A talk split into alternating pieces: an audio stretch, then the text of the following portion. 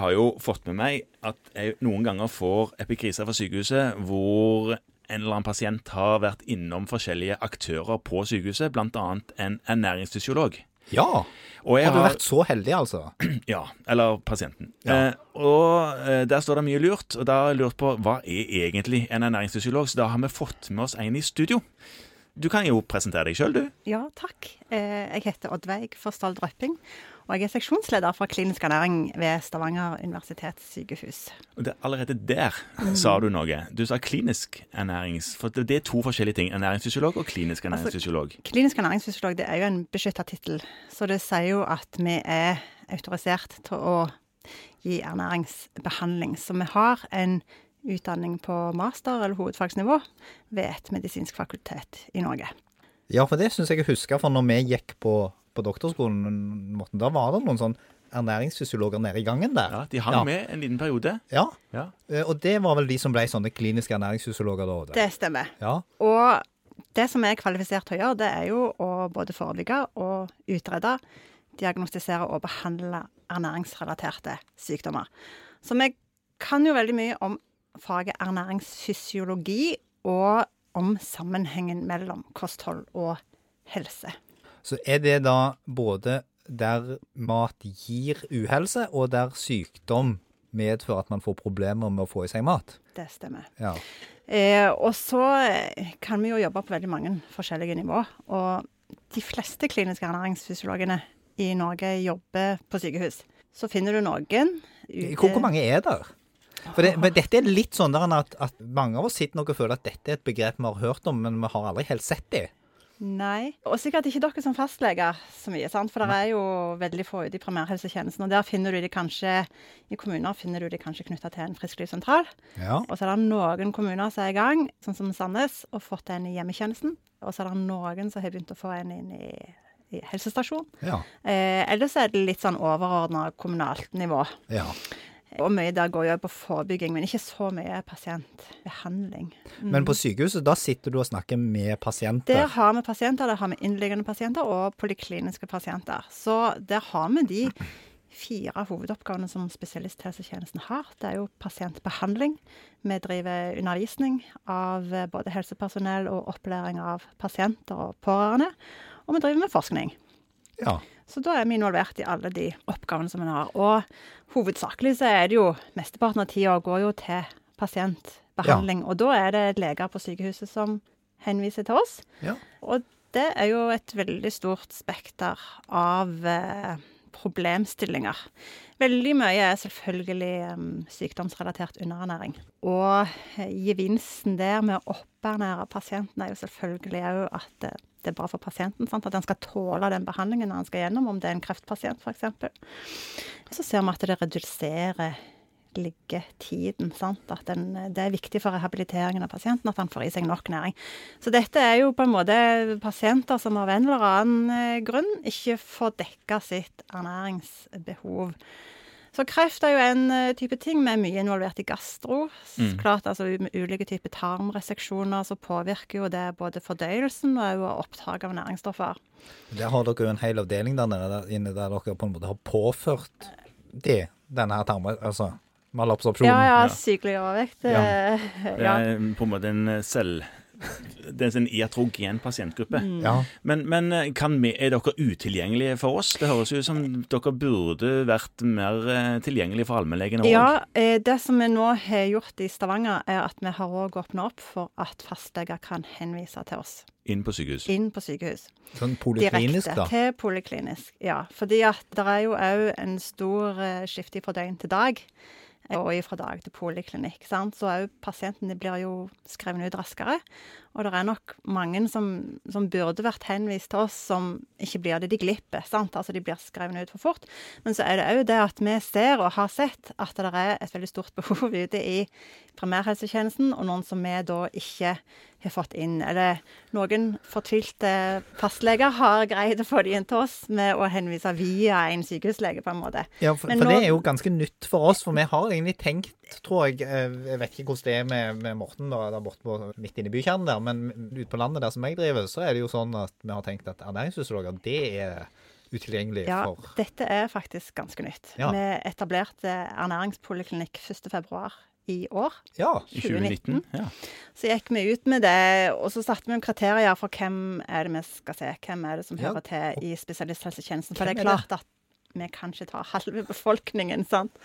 De som vi vil se, er jo de som gjerne allerede står på en sondernæring, sant. Som, som er skrevne hjem Mhm. fra sykehus med en sondernæring, og som gjerne har vektendringer eller toleranseproblematikk i forhold til det. Og så kan det være kreftpasienter som Det kan være de fra behandling fra Bergen, eller som ikke er innom sykehuset hos oss, som er underernært, eller som har gått ned i vekt. Og de tenker vi òg vi må selvfølgelig få tak i.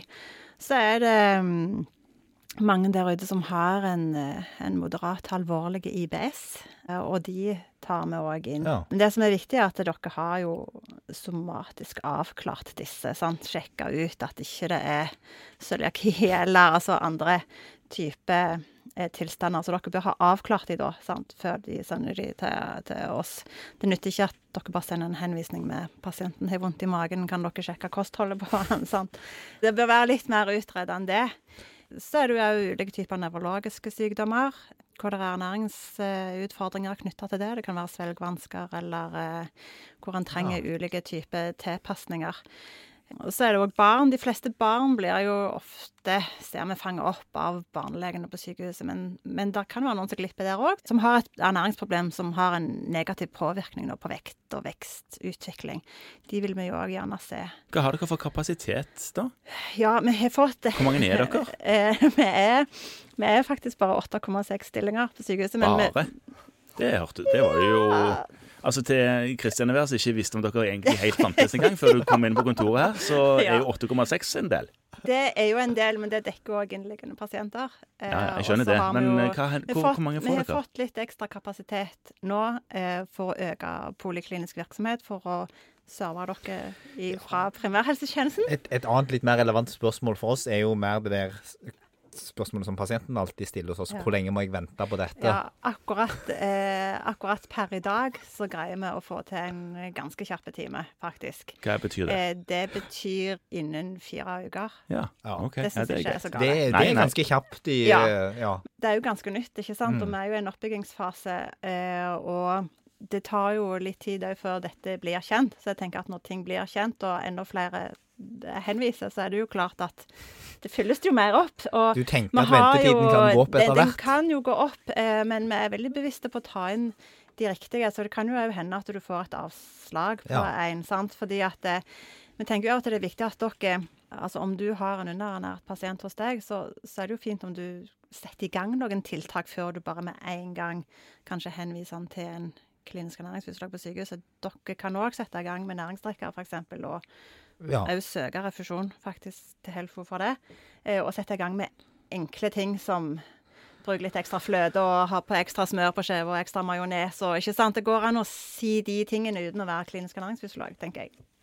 ja, du tror det? Ja, jeg tror det.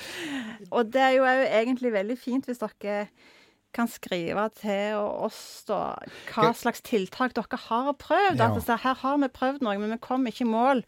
Kan dere se på om, eh, om vi kan komme med våre triks, da? Jeg kom, kom på en ting til, og det er at i, i sommer nå så ble det jo innført en ny takst, Morten. Den har vi snakket om her før. Hva for en da? Den den der eh, er en konferering med sykehustaksten. En J? En J, ja. Mhm. Som da gir fastleger mulighet til å ta betalt for å diskutere problemstillinger med spesialisthelsetjenesten. Er det sånn at det finnes noen annen mulighet for å diskutere en problemstilling med dere enn via en henvisning? Det er jo dialogmeldinger, da. Ja, svarer dere på de? Ja. Ja. Litt sånn jeg- små Ja! Ja, ja. det gjør vi. Eh, så Og jeg har sendt òg spørsmål til fastleger på Ja, så bra. henvisninger. Og det jeg ville jo være en fantastisk måte å Mm. kanskje få noen sånne enkle råd òg for dere, tenker jeg. Der dere kanskje ikke egentlig trenger å få hele pasienten din kan få presentert en problemstilling. Ikke sant. Så jeg har svart ut noen problemstillinger på den måten. Det er veldig der. bra. Vet du om andre sykehus rundt omkring i, i landet har samme tilbudet som det du beskriver nå? Jeg tror vi faktisk er ganske langt framme. Da må dere fortelle, misjonere, misjonere om dette her. Jo da, det er, der er forskjellige tilbud, og det er tilgjengelighet i ulik grad, uten at jeg har den fulle og hele oversikten Det akkurat er sikkert forskjellige ordninger rundt omkring i Mm. forskjellige kommuner òg, med tilgjengeligheten. Er det noen pasienter du absolutt tenker at de skal vi ikke ha? Ja, Eller har du sett noen pasienter holdt på å si som altså, du vi, altså vanlig og overvekt, på en måte. Vi tenker jo at de går til frisklivssentralene, sant.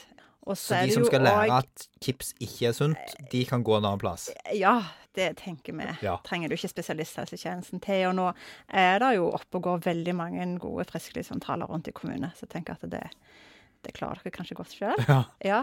Og så er det jo um, spiseforstyrrelser. Ja. Eh, de kan vi ikke sitte alene med på en poliklinikk. Det krever et tverrfaglig team, så de må henvises til de instansene. Men det er jo en enhet for spiseforstyrrelser eh, Ja. syk som har en klinisk ernæringsfysiolog knytta til seg. Ja. Ja. Så der må en bruke litt andre, for det, det krever en tverrfaglig Og så er det disse medisinsk uavklarte Ja. tilstandene. De vil dere Ja. heller ikke ha. Nei, og jeg tenker at eh, det kan jo være at dere trenger gjerne en ernæringsfysiologisk vurdering som et ledd i en utredning, på en måte. sant? Og da går det jo kanskje an å spesifisere det, at det vil være viktig for utredningen til Ja. pasienten. At kunne vi fått en vurdering av kostholdet her, altså da, da må det være ganske spesifikt og litt eh, eh, Det kunne en jo på en måte tenkt at en kunne gjort. Mm.